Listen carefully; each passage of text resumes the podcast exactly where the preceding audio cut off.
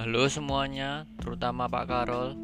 Perkenalkan nama saya Hendrikus Andreas Gibran dari kelas 12 IPA 2 nomor absen 10. Kali ini saya mau menjawab ulasan tentang kedua gambar kopi tersebut dan menyebutkan kelebihan serta kekurangan dari gambar tersebut.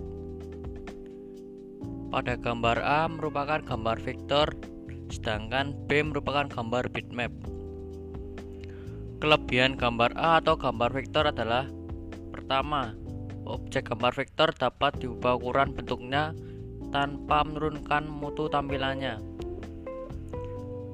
Kelebihan kedua, gambar A atau bentuk vektor relatif lebih mudah dan menyenangkan. Nah, adapun kekurangan dari gambar A atau gambar vektor adalah tidak dapat menghasilkan objek gambar vektor yang prima ketika dikonversi objek gambar tersebut dari format bitmap.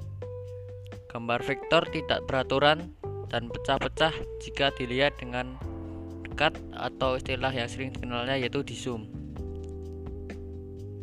Pada gambar B, kelebihan dari gambar B atau gambar bitmap tersebut yaitu dapat menghasilkan objek gambar bitmap dan objek gambar vektor dengan mudah dan cepat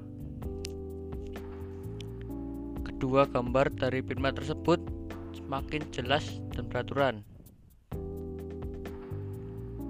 Kekurangan dari gambar B atau dari gambar bitmap tersebut ialah objek gambar tersebut memiliki permasalahan ketika diubah, diubah ukurannya seperti diperbesar.